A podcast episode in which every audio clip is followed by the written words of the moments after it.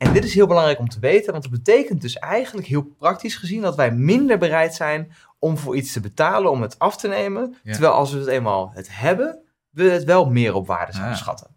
Dus daarin dat, dat gat daartussen, dat maakt eigenlijk dat het in enerzijds zou je kunnen zeggen dat het 80 euro waard is, maar men is maar bereid om er 5 euro voor te betalen.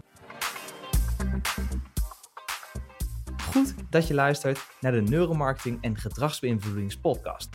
In deze podcast luister je elke week mee met de lunchwebinars van Unravel, waarin Tom van Bommel, Diede Vendrig en ik, Tim Zuidgeest, de laatste evidence-based insights uit de neuromarketing en gedragsbeïnvloeding delen. Vol met praktische insights die jij direct kunt toepassen. Voordat we beginnen met de aflevering, eerst nog even dit. Luister je graag naar deze podcast, maar zou je graag live vragen willen stellen en de key insights willen ontvangen? Schrijf je dan in voor onze webinars via unravelresearch.com. Zo mis je nooit de nieuwste evidence-based insights. Welkom allemaal bij deze nieuwe lunchwebinar over eh, neuromarketing voor diensten. Ehm, ik zit hier vandaag met Tim, ik ben Mees. Eh, vandaag kan Tom er helaas niet bij zijn, die zit in New York. Het vers- verschil moet er zijn.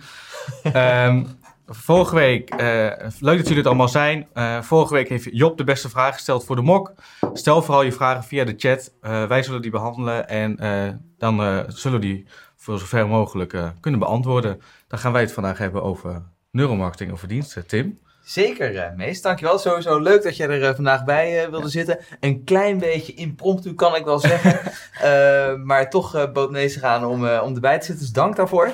Uh, onwijs leuk. Ja. Ehm, en een uh, kleine huishoudelijke mededeling. Wellicht heeft u onze special guest ook al gezien hier achterin. Uh, er wordt op dit moment ook gewerkt uh, aan de, ja, de kozijn hier. Dat moet natuurlijk ook gebeuren. En uiteraard altijd als we de webinar houden. Dus af en toe zou je iemand achter voorbij zien komen lopen. Maar laat het je er vooral niet afleiden uiteraard. En wat Mees zei, um, laat ook vooral eventjes van je horen in de chat. Vinden we leuk. Meestal ook eventjes even hoi typen alvast. Um, belangrijkste inderdaad voor de vragen. Um, ik kan me voorstellen dat er heel veel vragen zijn. En neuromarketing voor diensten is ook een veel gevraagd onderwerp hier eigenlijk. We hielden eerder al een webinar en dat ging eigenlijk meer over uh, fysieke, nee, moet goed zeggen, over fysieke producten. Um, hè, want wat is daar nou de neuromarketing achter? En eigenlijk specifiek voor diensten worden ook heel veel vragen gesteld. En hoe zit dat nou uh, ook in het brein? Wat kan je daarmee doen? En zoals je straks ook wel zal gaan zien, uh, zal je zien dat, dat voor diensten wel echt iets anders eigenlijk speelt onder, uh, onder huid, zou je bijna kunnen zeggen, dan voor uh, ja, fysieke producten. Dus dat is een hele interessante. Um, goed, dat gezegd hebben we inderdaad. We hebben de, dit gedaan. De mok, eventjes ook nog leuk om dat uiteraard toe, te, toe te lichten. Want het is niet zomaar een mok van een raffle. Nee, het is een mok waar ook een bias op staat. Die van vorige week, die dus gewonnen is door Job. Ja, zeg maar eventjes, meestal staat erop. Een bakje doen is als de planning bias. Uh, we denken altijd dat er genoeg tijd voor is. Juist, dus inderdaad, het is een hele mooie uh, toelichting. Hè? Dus altijd een soort knipoog naar koffie vanuit de psychologie. Ja. Uh, of een knipoog naar uh, de psychologie vanuit een koffiegedachte, net in de planning bias, ja, dat is een bias die heel erg bekend is vanuit de psychologie. Hè? Je denkt eigenlijk dat er altijd genoeg tijd voor is om iets te gaan doen. En dat blijkt dan achteraf toch niet helemaal zo te zijn. en zo doen we hier dus met een knipoog naar de koffie. Um, dit zijn unieke mokken. Volgende week hebben we weer een nieuwe mok daarin. Um, of ja, sorry, deze week een nieuwe mok. En je kunt hem dus winnen. Dus stel vooral je vraag. Ik zie inmiddels ja. ook de chat vollopen, dus dat is voor mij eens leuk. Ja. En without further ado zou ik ook willen zeggen, laten we erin duiken. Met meteen een vraag en wellicht uh, beantwoord je hem al goed.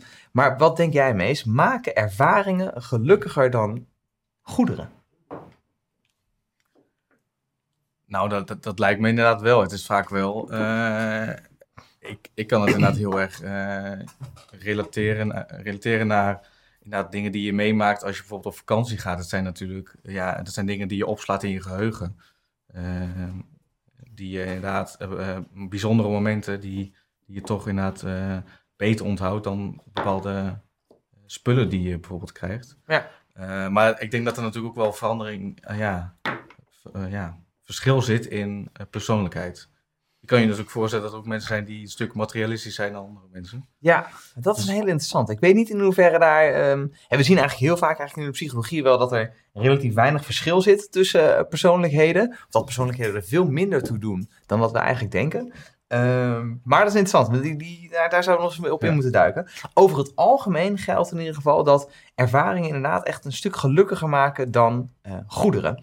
Ehm, en wat zien we daar nou in eigenlijk? Nou, sowieso dat ehm, ja, dus, eh, ervaringen inderdaad vanuit onderzoek gelukkiger maken dan materiële producten.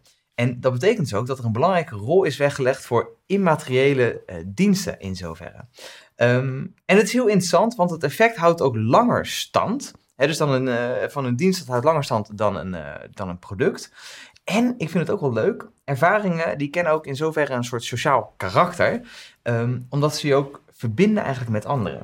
Daar waar natuurlijk een dienst, ja, weet je, of sorry, een product, ehm, ja, weet je, dat, dat, dat verbindt niet echt. Ja. En juist wij als sociale dieren, daar is die verbinding natuurlijk erg belangrijk bij. En natuurlijk daarin opvolgend, als je iets samen meemaakt, dan versterkt dat natuurlijk alleen maar. Ook dat, Ja. zeker. En zeker hè, omdat wij natuurlijk sociale dieren zijn, is Ja. dit een heel eh, belangrijk aspect eh, daarvoor. Ehm, en wat ook interessant is, en je zou zeggen een en of maar, ehm, ervaringen worden minder sociaal vergeleken met anderen dan producten. En dat op zich herken je het waarschijnlijk wel. Het, is, het wordt beter of het wordt meer vergeleken als jij in een auto, een dikke auto rijdt. Dan laat je het graag zien, echt natuurlijk een product. eh, dan dat jij heel erg laat zien van, oh weet je, ik ben net, ik ben nu in Afrika, weet ik het wat. Ja. Eh, en dat is heel interessant, want het heeft dus ook veel minder die negativiteit eigenlijk, die dien, of sorry, producten wel aan zich hebben kleven. Dus dat maakt eh, diensten eigenlijk veel interessanter ook, wat dat betreft. Ehm, ja, dus dat zijn eigenlijk wel interessante verschillen eigenlijk tussen eh, ehm, eh, diensten en goederen wat dat gaat. Het is wel leuk overigens als je het hebt over eh, die negativiteit die dus kan ontstaan.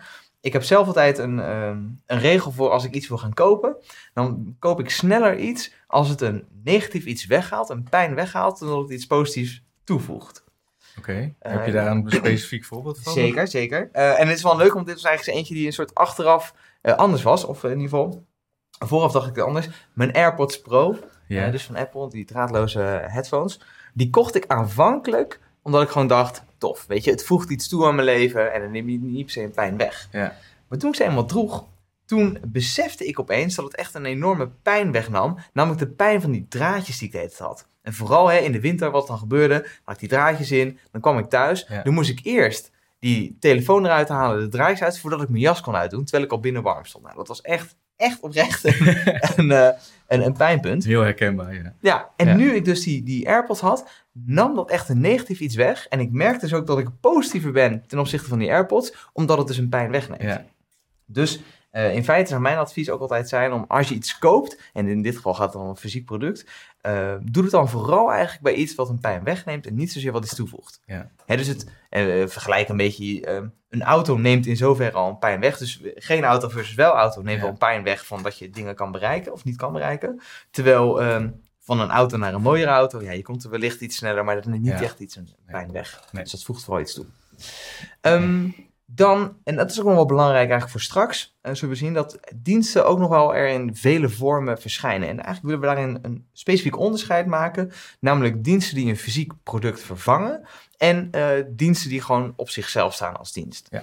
Eh, dus je moet je echt voorstellen, diensten die een fysiek product vervangen zijn bijvoorbeeld Netflix, hè, dat vervangt de- DVD in dit geval. Ehm, en dat zijn heel vaak hè, met de fysieke tegenhanger, dus in zoverre.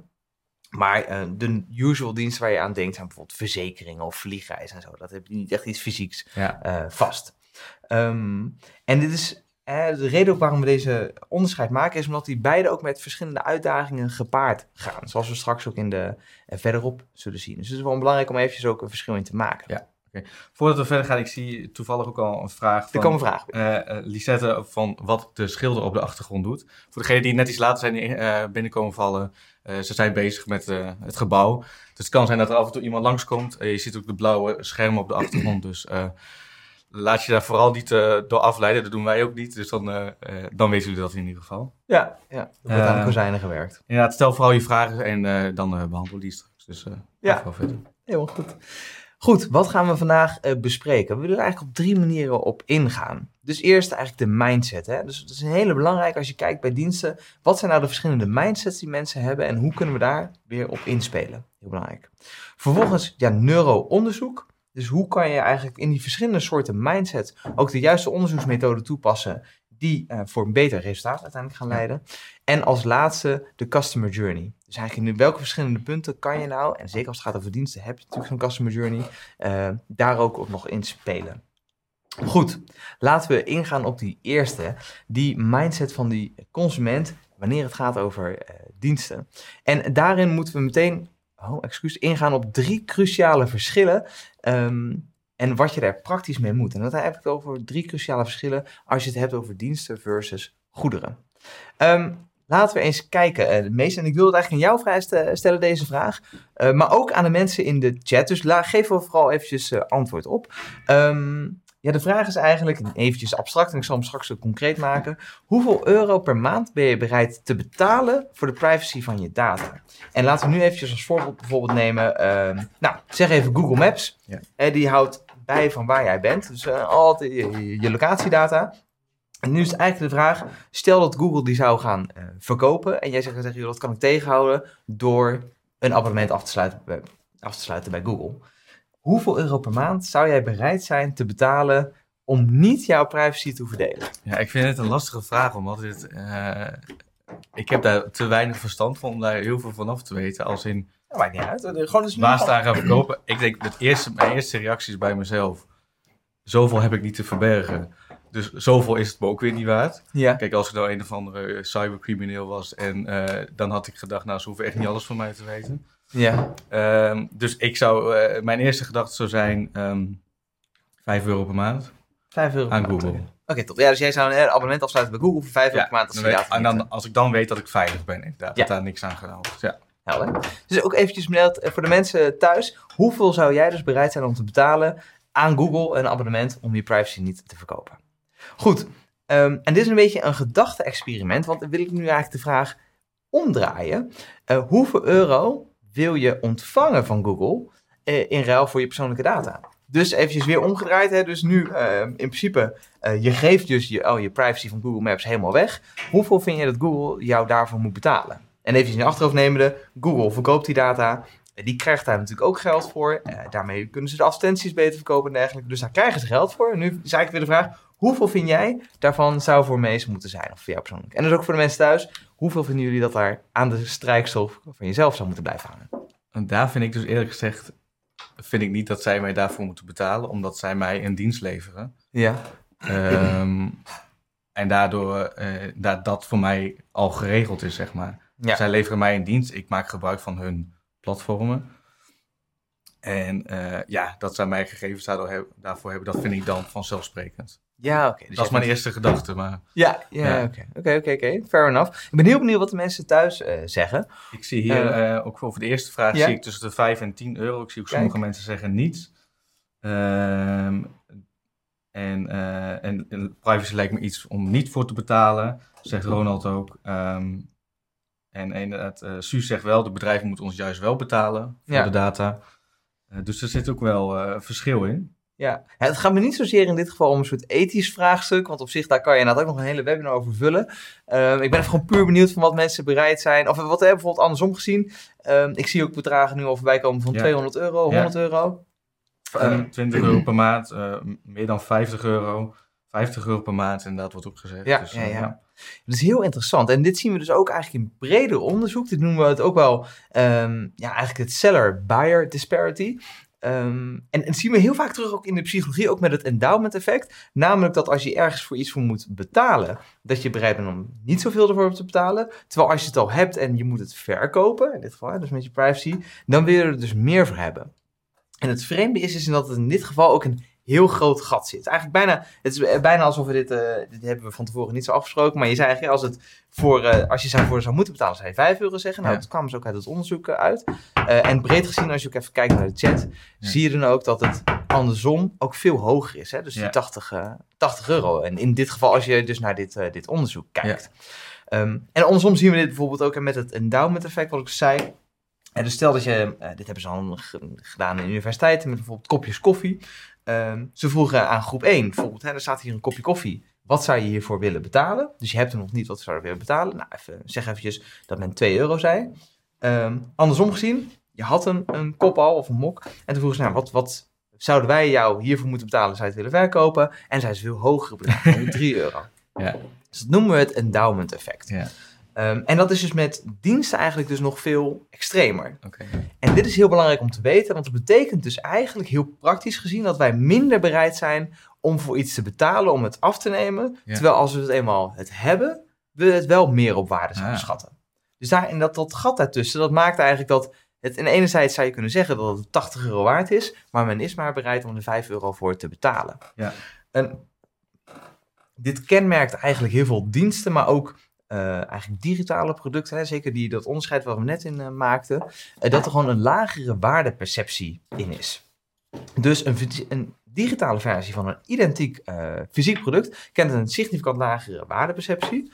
En ehm, wat we ook nog zien als je kijkt eigenlijk bij de waardering, productbeoordeling in isolatie, en dan gaat het eigenlijk vooral om de willingness to pay, dus hoeveel bereid, ben je bereid om voor te betalen, Ja. dan zijn we meer bereid te betalen voor een fysiek product dan voor een digitaal product. Maar eh, bij een gezamenlijke presentatie zien we dat je juist meer bereid bent om te betalen voor een digitaal product. Dus dat is eigenlijk wel interessant. Ehm, dus dit is sowieso natuurlijk eigenlijk al interessant. Het verschil eigenlijk tussen die fysieke en die digitale producten. Ja. eh, dat er dus zo'n gat eigenlijk tussen zit. Ehm, en nou eigenlijk de volgende interessante eh, vraag, eigenlijk voor jou, maar ook voor de mensen thuis. Ehm, stel dus in een volgende situatie, waar zouden mensen bereid zijn om meer voor te betalen voor een e-book? Zou dat zijn wanneer je een, de fysieke versie er ook bij ehm, eigenlijk toont, of eh standalone, dus digital only? Dus wanneer zou je bereid zijn om meer te betalen voor een e-book? Wanneer je dus de papieren versie erbij ziet, of wanneer je het digital only ziet, dus alleen Dus je bedoelt als in een afbeelding, je ziet ze naast elkaar staan? Mhm. Of. Ja, je zal het hier eigenlijk op het scherm ook zien. Eigenlijk dit is hoe de prestaties er Ja. Ehm, daar, zou inderdaad ook... In eerste instantie zou ik denken, als je het, eh, het fysieke boek er ook naast hebt zou zitten, dat dat dan een meerwaarde, meerwaarde geeft. Dat dat meer waarde toevoegt aan het product. Eh, dat het in je hoofd zo gaat. Ehm, omdat het, ja, simpel gezegd, gewoon meer is. Ja, Je Ja. en het e-book en het boek. Nee, nee, maar je krijgt één van de twee. Dus de vraag is eigenlijk van, joh, ehm, je- eigenlijk zeg je hier bij de ene krijg je de, krijg je de keuze van, ja, je, weet je, je kan het fysieke boek kopen en de e-book. Ah, En dat zijn ja. los van elkaar prijzen. Of in de tweede versie, eigenlijk dus de tweede groep zou alleen maar het e-book Ja. losstaan zien. En dan is eigenlijk de vraag, wat, wanneer zouden ze bereid zijn om meer te betalen voor het e-book? Nou, als ik jouw verhaal net zo hoor, dan is het in het eerste geval. Dus als je na- naast elkaar hebt staan, dan hecht je dus weer meerwaarde aan het, fysiek, aan het eh, eh, digitale. Ja. eh, aan de e-reader dus, in dit geval. dan aan het boek, een fysieke boek. Ja. Zou ik dan denken. Dus dat is heel interessant. Dat klopt inderdaad. En we zien dus dat wanneer je dus die fysieke tegenhanger erbij toont, dat je meer bent bereid te betalen voor dat e-book dan wanneer je dat alleen maar los zou presenteren. Dus daarin zien we al iets interessants, wat we straks nog dieper op ingaan, is dat die fysieke eh, variant ervan nog best wel wat waarde eigenlijk hierin eh, toevoegt.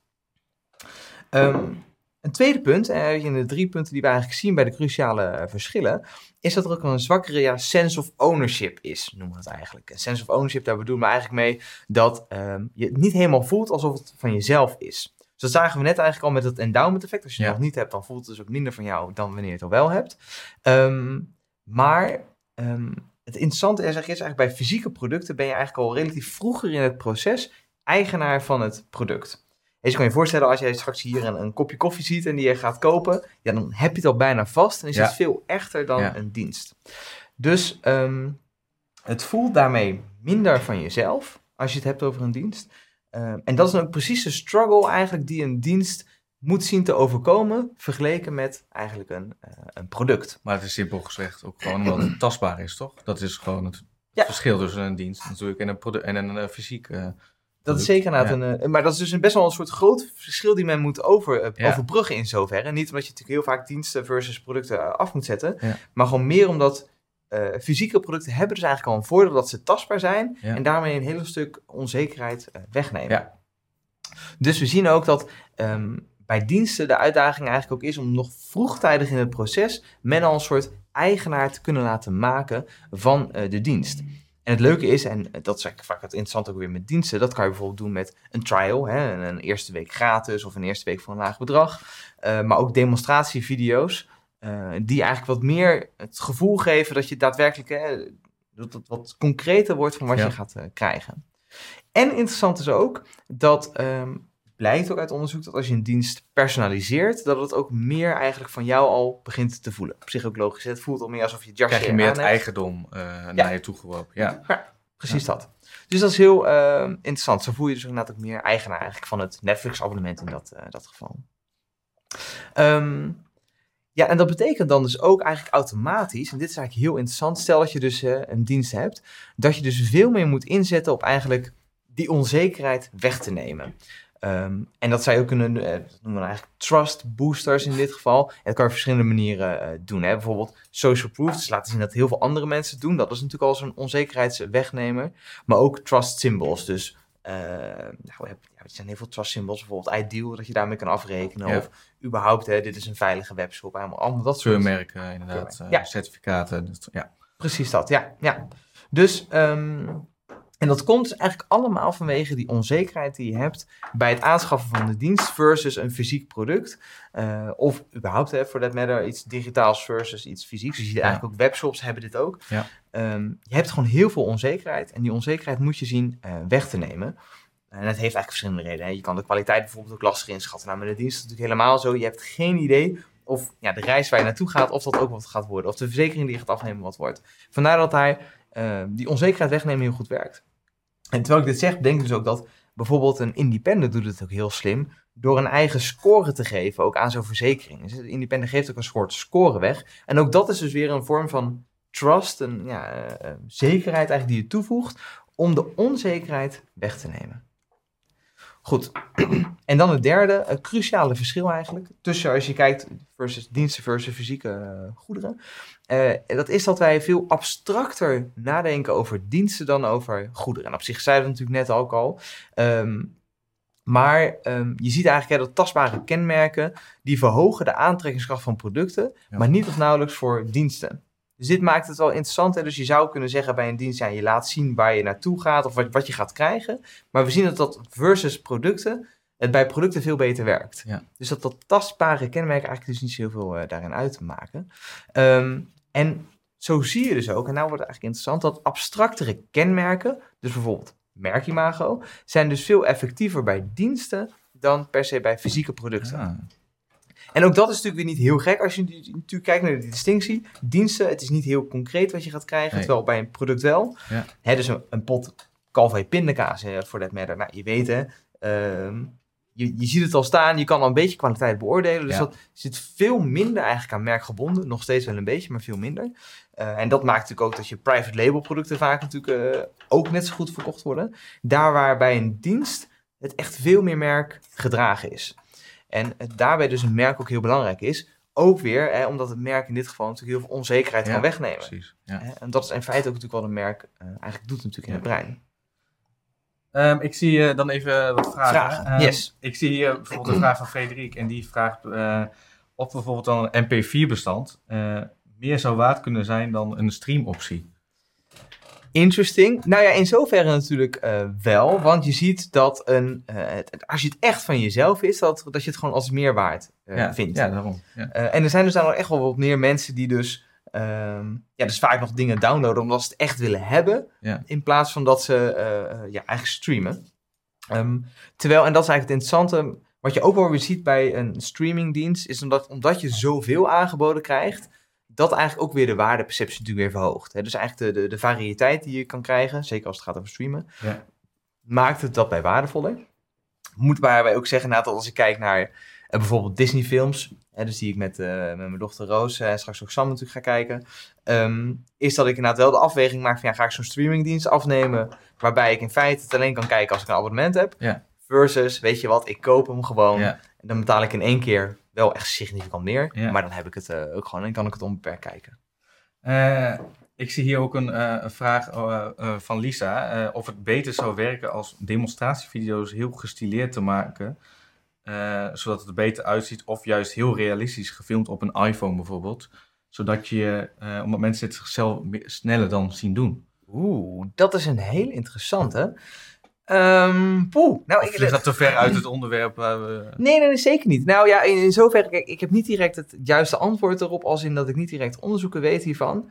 Eh, want er valt voor beide eigenlijk wel wat te zeggen. Hè? Want Ja. aan de ene kant inderdaad, als je echt vanuit die iPhone filmt, vanuit een first-person perspectief, ehm, dan zal het ook veel meer inderdaad ja, van jezelf voelen. Hè? Ja. Dus dat, dat zien we heel vaak terug. Ook net zo goed met eh, productfotografie. Als je fotografeert vanuit hoe je het zou zien, is dat effectiever Ja. dan eh, eigenlijk hoe je het niet zou zien. Dus Ja. dat eh, heeft zeker wel een, ehm, ehm, ik denk een, een voordeel. Daar tegenover staat natuurlijk ook weer dat je soort als merk betrouwbaarder kan overkomen als het die video veel gestileerder is en solide overkomt. Ja. Dus ja, wat dat betreft valt er voor beide eigenlijk wel wat te zeggen. Maar ik vind het wel een leuke vraag. Ja. Eh, nog één dan eh, vraag eh, van Lisa. Ik neem aan dat de reviews dan ook erg goed werken in het gevoel van het, ja, die, die onbetrouwbaarheid of die, die gevoelens wegnemen.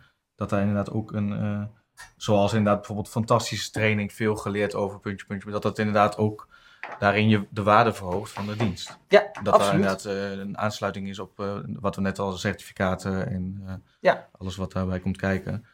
Ja. Dat de reviews daar ook een goede invloed op hebben. Zeker. Dus reviews zijn eigenlijk een soort snijvlak tussen social proof en eigenlijk gewoon überhaupt eh, eigenlijk tussen trust symbols. Gewoon, eh, eh, omdat het inderdaad van, als het van echte mensen zijn, logischerwijs, dat het dat stukje onzekerheid heel erg wegneemt. En ook laat zien dat andere mensen het inderdaad gebruiken. Ja. Dus inderdaad, reviews zijn des te belangrijker bij ehm, diensten versus fysieke producten. En op zich zie je het ook wel, hè, want in een supermarkt zie je niet per se overal reviews staan van je, van je producten.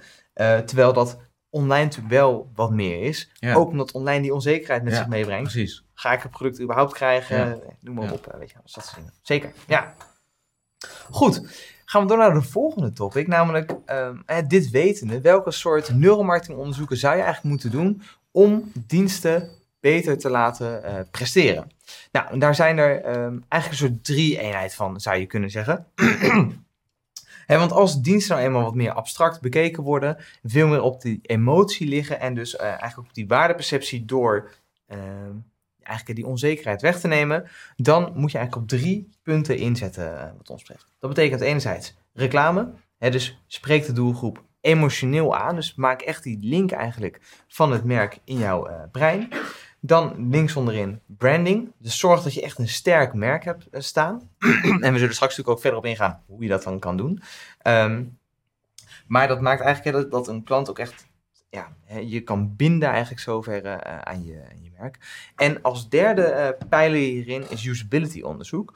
Eh, want wat zien we hier namelijk ook? Op het moment dat die frictie te hoog wordt bij het afsluiten van een dienst eh, versus een fysieke eh, goederen zien we eigenlijk ook dat hoe hoger die, die frictie is, hoe minder snel men eigenlijk ook iets wil afnemen. En hoe meer dat eigenlijk ook negatief zich eh, lijkt af te, te, te geven op het merk zelf. Dus dat is dan bij eh, diensten eigenlijk nog meer dan bij fysieke goederen. Dat maakt wellicht ook wel, again, dit is eventjes uit de losse pols, dat een Amazon, die echt wel, een, ja, wat, wat mij betreft, veel frictie opwerpt als je kijkt naar de checkout eh, proces, dat het minder erg is, want je krijgt een fysiek product, daar waar dat bijvoorbeeld gaat over een dienst, waar je natuurlijk veel meer eigenlijk het gevoel hebt dat je echt, ehm, zoals Martin uh, Kranenburg ook wel zegt, dat je als een soort in een limousine eh, naar de betaalpagina eh, wordt eh, geleid. Goed, dus die drie neuro-toepassingen, ehm, waar elke dienst ook direct zijn voordeel uit kan halen. Laten we daar eens op inzoomen. We beginnen met usability onderzoek. Um, dat doen we hier in ons huiskamerlab. Heel veel van ons neuroonderzoek doen we natuurlijk hier in het huiskamerlab. Heb je al eens meegedaan aan een neuroonderzoek, uh, Mees, inmiddels? Uh, nee, want ik ben linkshandig, dus ik mag niet overal meedoen. Dus, uh, ik heb wel eens kleine dingen gedaan, maar ja. ik mag niet overal. daarvoor moet je voor veel dingen moet je ook rechtshandig zijn, want dat schijnt beter. daar weet jij, daar weet ze hier meer van dan ik zelf. Ja. In dat specifieke gedeelte, maar. Ik heb het wel eens gedaan. Ja. Maar ja. kleine dingetjes. Ja, dit lijkt inderdaad een hele vreemde dat we linkshandige mensen uitsluiten. Ik ben zelf ook linkshandig. Um, maar wat gebeurt er nou eigenlijk wanneer je kijkt naar het brein en vooral als we prefrontale asymmetrie eigenlijk uitmeten. En prefrontale, prefrontale asymmetrie, um, dat, wij noemen het ook wel verlangen. Dat is een beetje een gechargeerd... Uh, um, ja, want het is veel meer dan alleen verlangen. Het zegt eigenlijk toenaderingsmotivatie versus afkeermotivatie. Ja. Maar dat kunnen we meten doordat we kijken wanneer je linker prefrontale cortex actiever is dan je rechter prefrontale cortex. En wat is nou het geval? Bij rechtshandige mensen is het altijd zo dat links actiever is dan rechts wanneer het gaat over een toenaderingsmotivatie. Maar bij linkshandige mensen verschilt dat nog wel eens. Ja. Het is niet altijd omgekeerd, want dan zou het ook net zo goed makkelijk zijn, maar het verschilt nogal eens. Um, wat eigenlijk betekent dat het zomaar kan zijn dat het inderdaad bij jou ook zo is, maar het ook kan zijn dat het niet zo is. Nou, voor het gemak sluiten we rechts, sorry, linkshandige mensen dan eventjes uit. Gelukkig zijn ook de minste mensen... Ja, is het gewoon makkelijk inderdaad om dan in dat geval voor rechtshandige te kiezen. Precies. grappig genoeg is het bij mij dus wel zo. Dus eh, hoewel ik linkshandig ben, zit mijn, wat dat betreft mijn prefrontale asymmetrie dus wel als een rechtshandige eh, ingebouwd. Goed. Ehm, goed om te weten ook, want we krijgen straks een voorbeeld van mijn hersenen. Eh, of van mijn hersendata. Goed, dus het belangrijke is zeggen, je kan door middel van EEG net de nuances eigenlijk eh, zien wanneer het gaat als mensen in een usability eh, flow zitten, ergens willen uitchecken, ehm, dat ehm, ja, er onbewuste hobbels kunnen zijn. En die kan je dus heel goed uithalen wanneer je dus naar die hersendata kijkt. Nou, dat ziet er ongeveer zo uit hè, als je hier uh, bijvoorbeeld iemand over bol zou laten gaan. Ehm, en we krijgen straks ook eventjes een, een goed voorbeeld te zien van hoe dat, ja, die, die, die data er uiteindelijk uitziet. Dan is vervolgens natuurlijk de vraag, hoe ziet zo'n doorsnee onderzoek er ongeveer uit? Nou, wat interessant is eigenlijk om te weten, is dat je dit onderzoek al met 6 tot 10 participanten kan doen. Um, je hebt namelijk niet superveel mensen nodig om hier waardevolle inzichten uit te halen. Het is echt een vorm van kwalitatief onderzoek, niet kwantitatief. Uh, en zodoende zeg je eigenlijk ook dat elk inzicht die je hieruit haalt, dat representeert een doelgroep. Je weet niet hoeveel, maar je weet dat het voor meerdere mensen waarschijnlijk een onbewuste hobbel is in die checkout. En dus ook echt iets kan zijn wat de mensen tegenhoudt om uiteindelijk uh, uh, af te rekenen. Nou, uiteindelijk wil je natuurlijk wel een verschil maken in je doelgroep. Hè? Dus je zou bijvoorbeeld echt wel willen kijken naar huidige gebruikers versus mensen die je product nog niet, je dienst eigenlijk nog niet gebruiken. Um, simpelweg omdat je daar best wel veel verschillen ook in ziet. Um, en daarnaast wil je ook natuurlijk rekening houden met demografie, hè, dus leeftijd, geslacht. Je kan je voorstellen dat iemand die 80 is anders omgaat met zijn mobieltje dan iemand ja. uh, van 20, ja. zou ik zeggen. dus dat zijn wel verschillende uh, factoren om in rekening te houden. En dan vervolgens, waar kijken we naar? Nou, we noemden het net al eventjes, kort verlangen in de wetenschap, dus prefrontale asymmetrie. Um, geeft heel erg aan, ik wil dit wel of ik wil dit niet. Hè? Dus naartoe of er vanaf. Um, geeft heel veel interessante inzichten. Geeft ook vaak aan, hè, als je dus aan het shoppen bent, welk product je waarschijnlijk gaat kopen. Maar goed, dat is even voor die uh, nulonderzoeken minder interessant. maar wel leuk dat het inderdaad ook best wel goed overeenkomt. Ja. Uh, dan heb je nog workload. Dat is hoeveel moeite het brein moet doen. Je kan je voorstellen, als het te veel moeite kost, dan is het niet goed. Um, dus daar zit ook echt alles boven de 0,7, daarvan zien we. Dat kost te veel moeite en dat ja, draagt eigenlijk bij aan het emmertje van uh, te veel moeite tot het emmertje uiteindelijk overstroomt natuurlijk. En als laatste, dat noemen we verwarring. Dat er, als er iets gebeurt wat je niet verwacht. Ik kan je het ook daarbij weer voorstellen, dat hoeft niet per se negatief te zijn, en zeker in een reclame niet. Uh, maar met een website kan dat wel eens natuurlijk gepaard gaan met negativiteit. En dan is dat ook iets wat je uh, wil of zien te voorkomen. Ja, want we hadden het net over inderdaad onzekerheden, weg, onzekerheden wegnemen bij inderdaad diensten. Dan heb je bijvoorbeeld als je te maken hebt met een workload of zo, dan ja, daar moet natuurlijk wel een bepaalde mate van workload in zitten. Want het moet, ja, je wil wel informatie richting de gebruiker, eh, richting de lezer overbrengen. Waardoor je inderdaad die onzekerheid uiteindelijk gaat wegnemen. Dus bijvoorbeeld met inderdaad certificaten, met reviews of met andere dingen. Waardoor je dus laat eh, die onzekerheid toch weer gaat wegnemen. Ja, nee, en het leuke is wat je dus hieruit kan zien, is dat je goed kan um, portioneren zou eigenlijk kunnen zeggen hoeveel informatie je moet geven. Wanneer er eigenlijk een information overload is. Want als dat zo is, dan wil je dat eigenlijk op de volgende pagina gaan doen.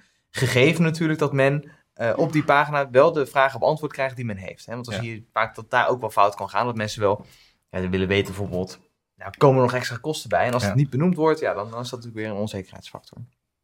Nou, laten we voor de gein eventjes meekijken naar mijn hersenen dus. Dus hier zie je mijn, uh, mijn breindata. Um, ik zit hier op de website van OG in de, tag, in de checkout. En, en wat je straks gaat zien is heel interessant. Je ziet hier um, een eye-tracking data bovenin.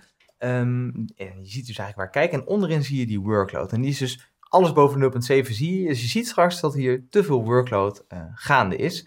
En dat is eigenlijk ook niet zo heel gek, want wat, wat zie je hier nou eigenlijk gebeuren? Het voelt alsof er twee kolommen zijn, terwijl in werkelijkheid zijn het uh, eigenlijk uh, verschillende rijen. Dus, um, uh, en je ziet dus eigenlijk hier, dat is heel interessant, wanneer dus die workload daalt, is ook exact het moment waarop ik doorheb dat dit eigenlijk niet twee kolommen zijn, maar dus verschillende opties waar ik uit kan kiezen ja. voor de tijden. Nou, en het interessante is, als ik hier aan mensen zou vragen wat... Um, uh, sorry, als ik hier mensen zou vragen van, hey, gaat het goed? Op het moment dat mensen het doorhebben, zullen ze niet meer tegen jou zeggen, nou, ik vond dit wel een beetje lastig. En dan krijg je sociaal wenselijke antwoorden. Ja. Terwijl wij in het brein dus wel heel duidelijk zien dat het dus niet goed gaat. Dus dit is een hele interessante, dit is echt zo'n emmer eigenlijk die vol loopt. Um, en steeds wanneer er dus die moeite wordt ervaren, uh, dan is het ja, eigenlijk een druppeltje in het emmertje, in, het, uh, in de bucket. Totdat men uiteindelijk beseft, besluit, oké, weet je wat, dit wordt irritant en ik kap ermee. Ja. En in je gebruikersdata zou je zien dat mensen dus uiteindelijk weggaan op die pagina, terwijl we daarvoor al zien dat dat emmetje vol loopt. Dus dat is een hele belangrijke Ja. om naar eh, te kijken. Ehm, het tweede natuurlijk, ja, reclameonderzoek. Ehm, want ook hierbij geldt natuurlijk weer, hè, je wil echt inspelen op die emotie en dan zorgen dat die emotie niet negatief of afstotend is. Eh, en daarbij een hele leuke, eh, vind ik, dit is een reclame van Nutrilon, dat moet goed zeggen, ja. Eh, en aan jou eventjes de vraag, ehm, ja, wat denk jij, is dit een positieve of een negatieve eh, scène? Kijk maar mee. Big bright eyes, one. Dit gedeelte. Ja, ging heel snel, maar wat, wat denk jij, is het Ehm. positief of negatief? In het brein, hè? Ik denk, eh, maar misschien heb ik dan al, misschien weet ik dan, heb ik dan al iets te veel ingedoken. Ehm, in eerste instantie denk ik leuk, omdat het een baby in beeld is, maar de baby is onder water, dus dat is een beetje een benauwde situatie misschien. Ja. Waardoor ik denk dat het een negatieve... Ja, weet je dat eh, in principe, hè, dus baby's eh, tot zoveel maanden kunnen dus gewoon onder water. Die hebben gewoon nog een, eh, een soort longreflex, waardoor ze dus in principe gewoon lekker onder water kunnen bezig zijn. Ja, Niet te lang natuurlijk, maar Ja. ze slikken niet het water in. nee. En dat wist je of niet? niet? Nee, ik heb nog geen kinderen, dus... Nee, oké. Nee, maar daarom, ik, misschien, ik dacht in mijn hoofd, misschien omdat hij vastgehouden wordt, dat het een soort van negatieve eh, Juist. impact heeft. Of is dat een hele rare gedachte? Nee, mij? zeker geen rare gedachte. Ehm, maar ehm, heel, het doet ook een beetje denken aan dat Nirvana-album. Ik weet niet of je dat kent, weet je, met die, eh, met die dollar nog.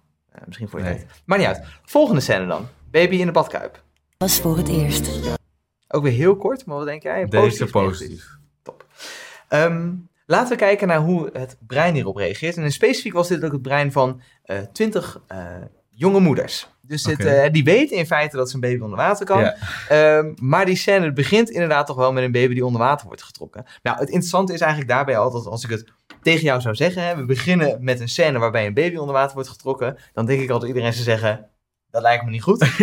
Ehm, er is een goede reden waarom deze scène er wel is ingekomen, want dit is niet gescript, dit zijn gewoon is eigenlijk een compilatie van beelden Ja. eh, van moeders die zijn eh, eh, gevolgd in Ja. zoverre. Ehm, want wat zien we nou in het brein? Nou, je, je ziet hier aan het begin. Ehm, dit is een van die vier of drie metrics die we meten in het brein. Prefrontale asymmetrie, nou, die is aan het begin verschrikkelijk laag. En dat is ook omdat die baby dus onder water wordt getrokken. Big bright eyes, one. Ja. Dus zowel schattige baby, als zou ik het hebben uitgevraagd, zouden jonge moeders ook zeggen: Dit kan allemaal, schattige baby, niks aan de hand. ja. Zien we dus wel echt in dat brein: Ho, dit is niet best. Nee. Gaan we naar de volgende, de baby in de badkuip. Ja, die deed ja was voor het eerst. Hij hij zet zelfs echt een piekje zelfs in deze eh, commercial. Baby blij, iedereen blij. Ja, dat is natuurlijk, het is een vrolijke baby, dus dat werkt natuurlijk dan dubbel. eh. Ja, herkenbare situatie Ja. wellicht. Dus dat is eh, interessant. Nu, eh, je ziet hier eigenlijk ook al een soort drop-off eigenlijk meteen ontstaan eh, hierna. Ehm, of echt zeg maar, hierna gaat echt stijl omlaag. En dit was een interessant, want dit hadden wij niet per se verwacht. En hier zie je ook eigenlijk weer wat het effect kan zijn van dit soort beelden eigenlijk op het brein. Laten we namelijk echt exact een moment nemen dat dit, eh, eh, wanneer de volgende scène in beeld komt. En dit is dus een baby die dus voor op de fiets zit. En we zien eigenlijk direct bij die moeders ook, oh, gevaar. En daar waar ik die, die baby die onder water zat nog wel te kunnen voorspellen, vond ik deze een lastige om wel van tevoren te voorspellen. Want ik zou zeggen, nou ja, hij zit gewoon ingetuigd, het gaat gewoon goed. Eh, maar toch zien we eigenlijk in het brein dat het hier fout gaat. Nou, en wat is nou het interessante? Wat zien we nou met reclameonderzoek?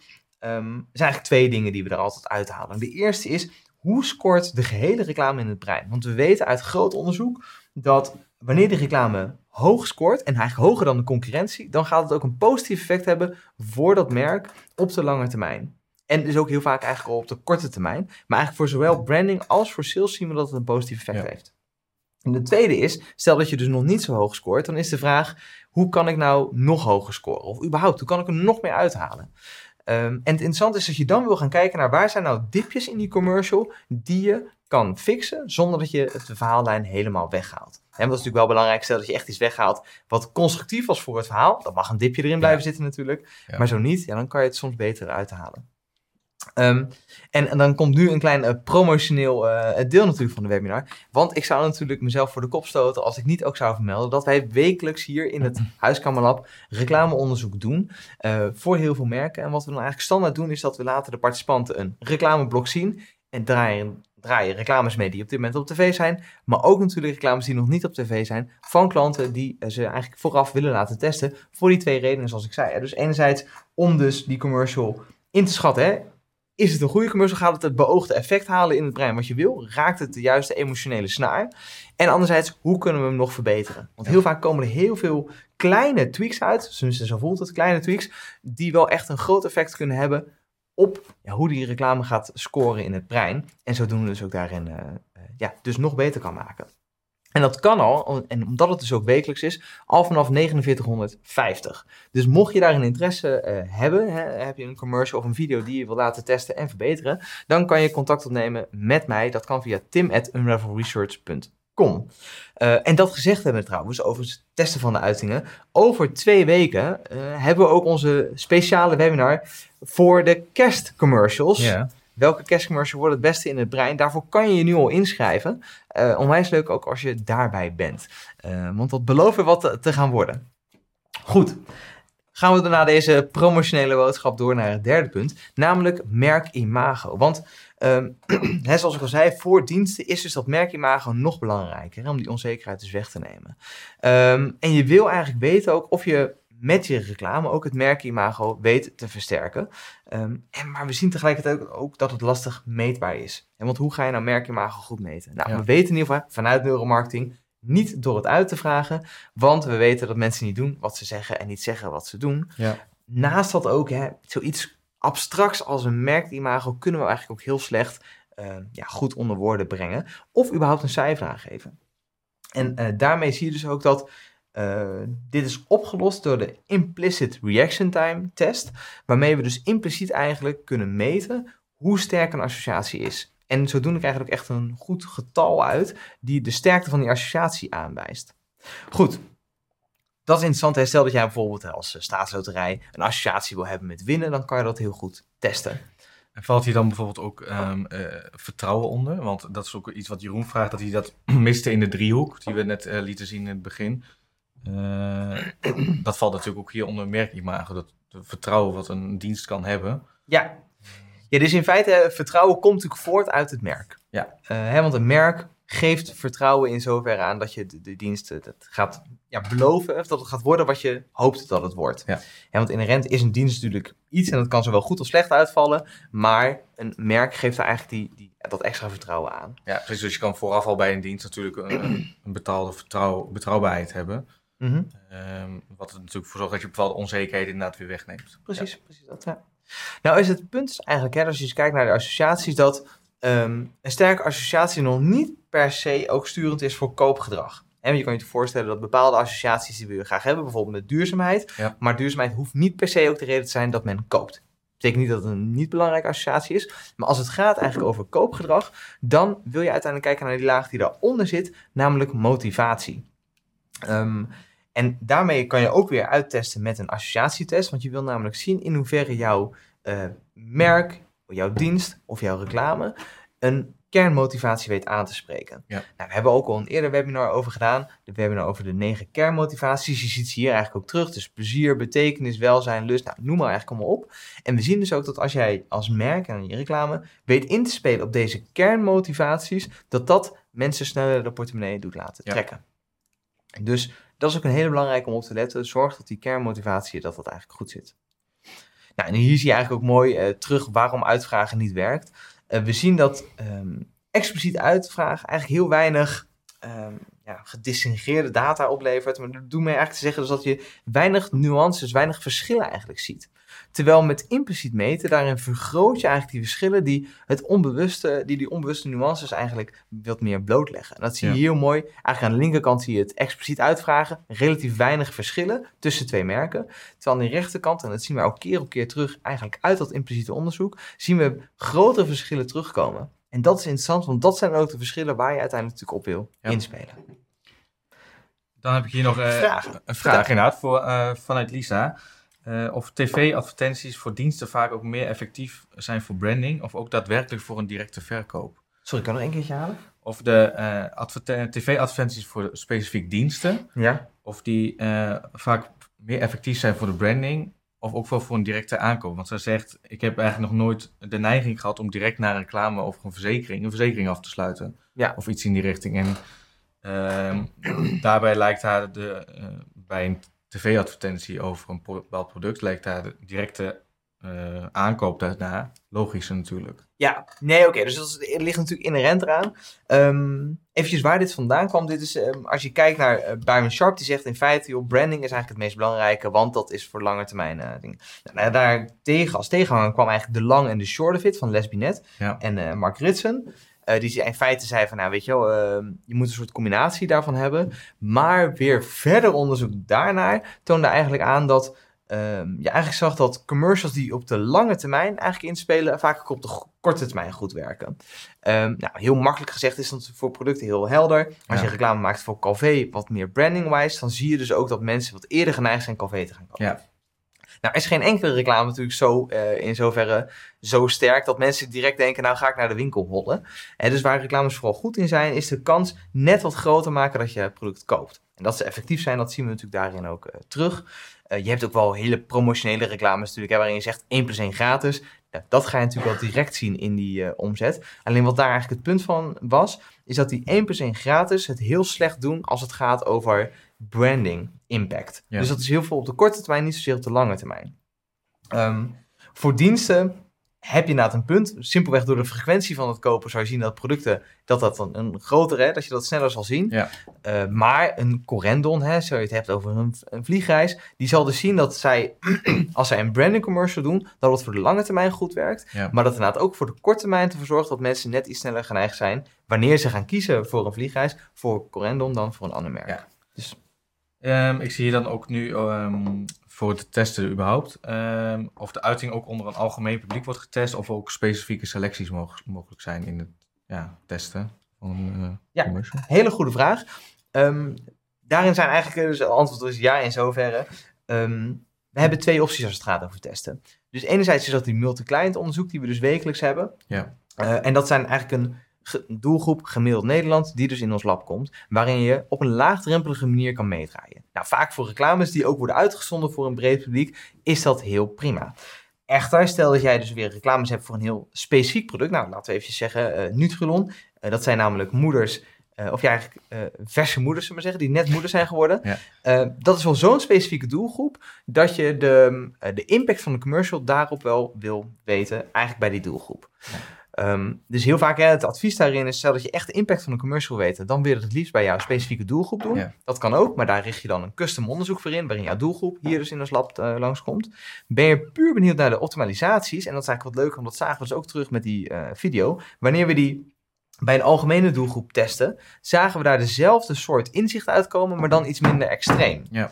Oftewel, eh, heel veel dingen die wij op breinniveau zo ervaren, dus dat kind dat onder water zit, dat zou jij hetzelfde hebben ervaren, terwijl jij nog geen kinderen hebt, als iemand die dus al wel kinderen bijvoorbeeld heeft, maar ook dus man en vrouw. Ja. Eh, alleen iets minder extreem. Ik hoop dat dat het eh, antwoord geeft. Ja. Goed, gaan we door eigenlijk naar die laatste eh, vraag. Namelijk de customer journey hè, van specifiek diensten. Hoe time je nou eigenlijk de emotionele ups en downs ja, zodanig dat je mensen je dienst zo aantrekkelijk mogelijk ervaren? Dat is natuurlijk de vraag. Ehm, en daarvoor eigenlijk het eerste principe wat we eh, willen overleggen is dat je ehm, die customer journey moet je eigenlijk mappen. Hè? Want dat is überhaupt natuurlijk wat je, wat je gaat doen. Eh, mensen gaan eigenlijk door die dienst. Dat is een soort emotionele journey. Ja. En er zitten hoogtepunten en er zitten dieptepunten in. Nou, het eerste principe voor de vaste luisteraar, die zullen direct eh, bekend voorkomen, dat is namelijk de peak and rule. Wat we namelijk zien, dat over het algemeen, eh, als het gaat over een ervaring, dan wordt niet zozeer, hoe die ervaring wordt beoordeeld, wordt niet zozeer bepaald door de lengte daarvan, maar vooral eigenlijk door het hoogtepunt en het einde. Dus daar wil je als dienst ook echt op zien te focussen. Ehm, en als we dan even focussen op eigenlijk op het einde, eh, je wilt dus eindigen met een hoogtepunt. Nou, bij IKEA is dat natuurlijk het bekende ijsje voor- Ja. die je voor heel weinig kan krijgen. Maar bijvoorbeeld Delta Airlines, die eh, geven ook een chocolaatje Ja. hè, als je net geland bent. Super interessant. Ja. Eh, de lengte van de vlucht maakt niet eens zoveel uit. Maar dus dat chocolaatje, klein hoogtepunt, maakt dus dat het als positief wordt ervaren. Ja. Dus die peak and rule is hierin ook heel eh, belangrijk. tweede principe die je hierin wil toepassen, is dat je de verwachtingen wil managen. Want de verwachtingen die spelen hier eigenlijk nog een heel grote rol. Ehm, heel simpel gezegd, stel dat jij even namelijk iets zegt van, weet je, ik lever het binnen zeven dagen. En je levert het ook daadwerkelijk binnen zeven dagen. Dan, dan heb je aan de verwachtingen voldaan. Niet zo heel spannend. Dan win je daar niks mee. Nee. Nee. Stel dat je zegt, ik lever het binnen 10 dagen, maar je levert het dan vervolgens op 7 dagen, dan heb je de verwachtingen overtroffen Ja. en dan bereik je ook weer een positief punt. Dus wat je eh wil doen, is dat je die verwachtingen eigenlijk altijd weet te overtreffen. En ehm, derde principe dan, eh, laat de effort zien. Dus laat eigenlijk zien hoeveel moeite iets gekost heeft. Ja. En dit pakt eigenlijk ook weer terug op dat eh, de tegenhanger, namelijk als je kijkt naar fysieke producten. eh, bij een fysiek product heb je daadwerkelijk iets heel concreet, terwijl zo'n dienst eigenlijk heel abstract is. En wat je dus eigenlijk wil proberen is zo'n dienst eh, minder abstract te maken, concreter, door dus te laten zien hoeveel effort erin is gegaan. Hè, dus als het gaat over een dienst, laat zien bijvoorbeeld ja, een beetje hoeveel moeite het kostte om dit, de dienst tot stand te, te, Ja. te laten komen. Ehm, door die effort daarin te laten zien, te laten zien dat er mensen voor je bezig zijn geweest, verhoog je eigenlijk weer de waardeperceptie van een dienst. In zoverre. Dus, ehm, en dat kan je heel makkelijk doen, hè, bijvoorbeeld door frequente updates te laten zien. Ook hierbij weer eventjes weer die koppeling naar die webshop. Als je laat zien, hey, we gaan op dit moment inpakken en je laat iemand zien die aan het inpakken is, dat verhoogt weer eigenlijk die betrouwbaarheid en dus die ervaring. En dat heb je dus ook met diensten zo. Zeker ook omdat vaak bij diensten achter de schermen er heel veel gebeurt waar je eigenlijk geen weet van hebt. En door dat inzichtelijk te maken, verhoog je weer die waarde. Thuisbezorgd, thuisbezorgd doet dat natuurlijk ook. Die doen dan, dan krijg je af en toe een melding met je, je bestelling wordt nu bereid. Ja. Je bestelling is nu onderweg. En dan staat er soms nog eens na bij met eh, wie hem komt bezorgen. Precies. Dus daar heb je natuurlijk inderdaad ook weer die eh, waarde die je daar aan toevoegt. Helemaal goed. Dus dat is echt inderdaad een goed voorbeeld van die effort eh, te laten tonen. En het vierde en het laatste principe, ehm je maakt van je fouten je krachtmomenten. En hier is eigenlijk een heel leuk eh, eh, verhaal eigenlijk bij van eh, een mevrouw die bij een, nou, een hotel zat en die wilde gaan tennissen. Er was ook een tennisbaan bij. En wat wil nou het geval? Tennisrekkers waren op. Dus die mevrouw die, die kon dus niet tennissen. Of in ieder geval, de, de kinderen konden niet mee tennissen. Op dat moment heeft ehm, eh, de medewerker zoveel vrijheid gevoeld om nieuwe tennisrackets te gaan kopen. Zodoende dat die mevrouw uiteindelijk wel kon gaan tennissen. Nou, dat lijkt dan een heel extreem voorbeeld. Ook een soort fout, hè, want er waren gewoon simpelweg te weinig eh, tennisrackets. Ja. Maar door die, ehm, eh, van zo'n fout eigenlijk een krachtmoment te maken door die tennisracket te kopen, was in dit geval het zo dat die vrouw een jaar later terugkwam, het hele hotel afhuurde voor haar bruiloftsfeest. Dus zo zie je dat je eigenlijk, en zeker met diensten ook, hier nog makkelijker eigenlijk de verwachtingen weer kan overtreffen. Ja. In zoverre ook, hè, als de verwachting zou zijn als je een fout maakt, wil dat je het oplost, maar meer niet. Ja. Maar door dat te overtreffen, een krachtmoment van te maken, kan je daar ook weer dus die customer journey in zoverre ook weer eh, verbeteren. Juist. Goed, dat was hem. Ehm, ja, Mees. Allereerst een aantal dingen. De volgende webinar, volgende week. Nudge jezelf. Dat wordt een webinar, gegeven door Tom en Diele. Ja. Heel interessant, weer een nudging webinar vanuit de behaviorhoek. Eh, maar hoe je jezelf kan nudgen. Ja. Heel interessant, want eh, nou, eh, bijvoorbeeld even op persoonlijk vlak. Ik zou mezelf wel willen nudgen door eh, iets minder suiker te willen eten. Dus ik ben heel benieuwd of ze daar ook wat tips en tricks voor hebben.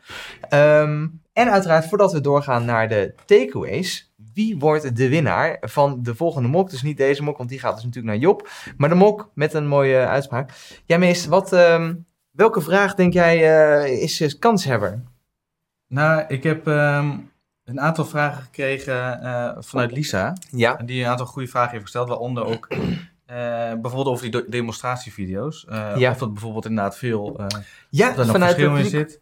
Eh, daarnaast heeft ze inderdaad ook nog eh, aan toegevoegd dat eh, vertrouwen werken in, door middel van reviews bijvoorbeeld, dat daar ook een heel goed, eh, eh, goed punt is om daar eh, in- ja, die onzekerheden weg te nemen. Kijk, Eh, Lisa heeft een aantal goede vragen gesteld. eh, die kwamen bij eh, vaker naar voren, dus ik denk... dus ook de frequentie van vragen stellen, dat heeft blijkbaar invloed in of Ja. je wint of niet. Maar ik moet inderdaad eigenlijk vooral zeggen, die vraag over eh, die camerahoek, hè, of dat er ook nog uitmaakt, vind ik een hele leuke, ook omdat ik dat antwoord nog niet direct op heb. ja. Dus Lisa, ehm, hierbij gefeliciteerd met het winnen van de mok. Even een essentieel punt. Wil jij contact met ons opnemen? Want ehm, het komt wel eens voor dat wij niet eh, direct ook de juiste e-mailadres erbij kan nemen. Dus stuur even een mailtje naar tim.unravelresearch.com. Ja. Dan kunnen we zorgen dat die mok ook daadwerkelijk bij je thuis komt.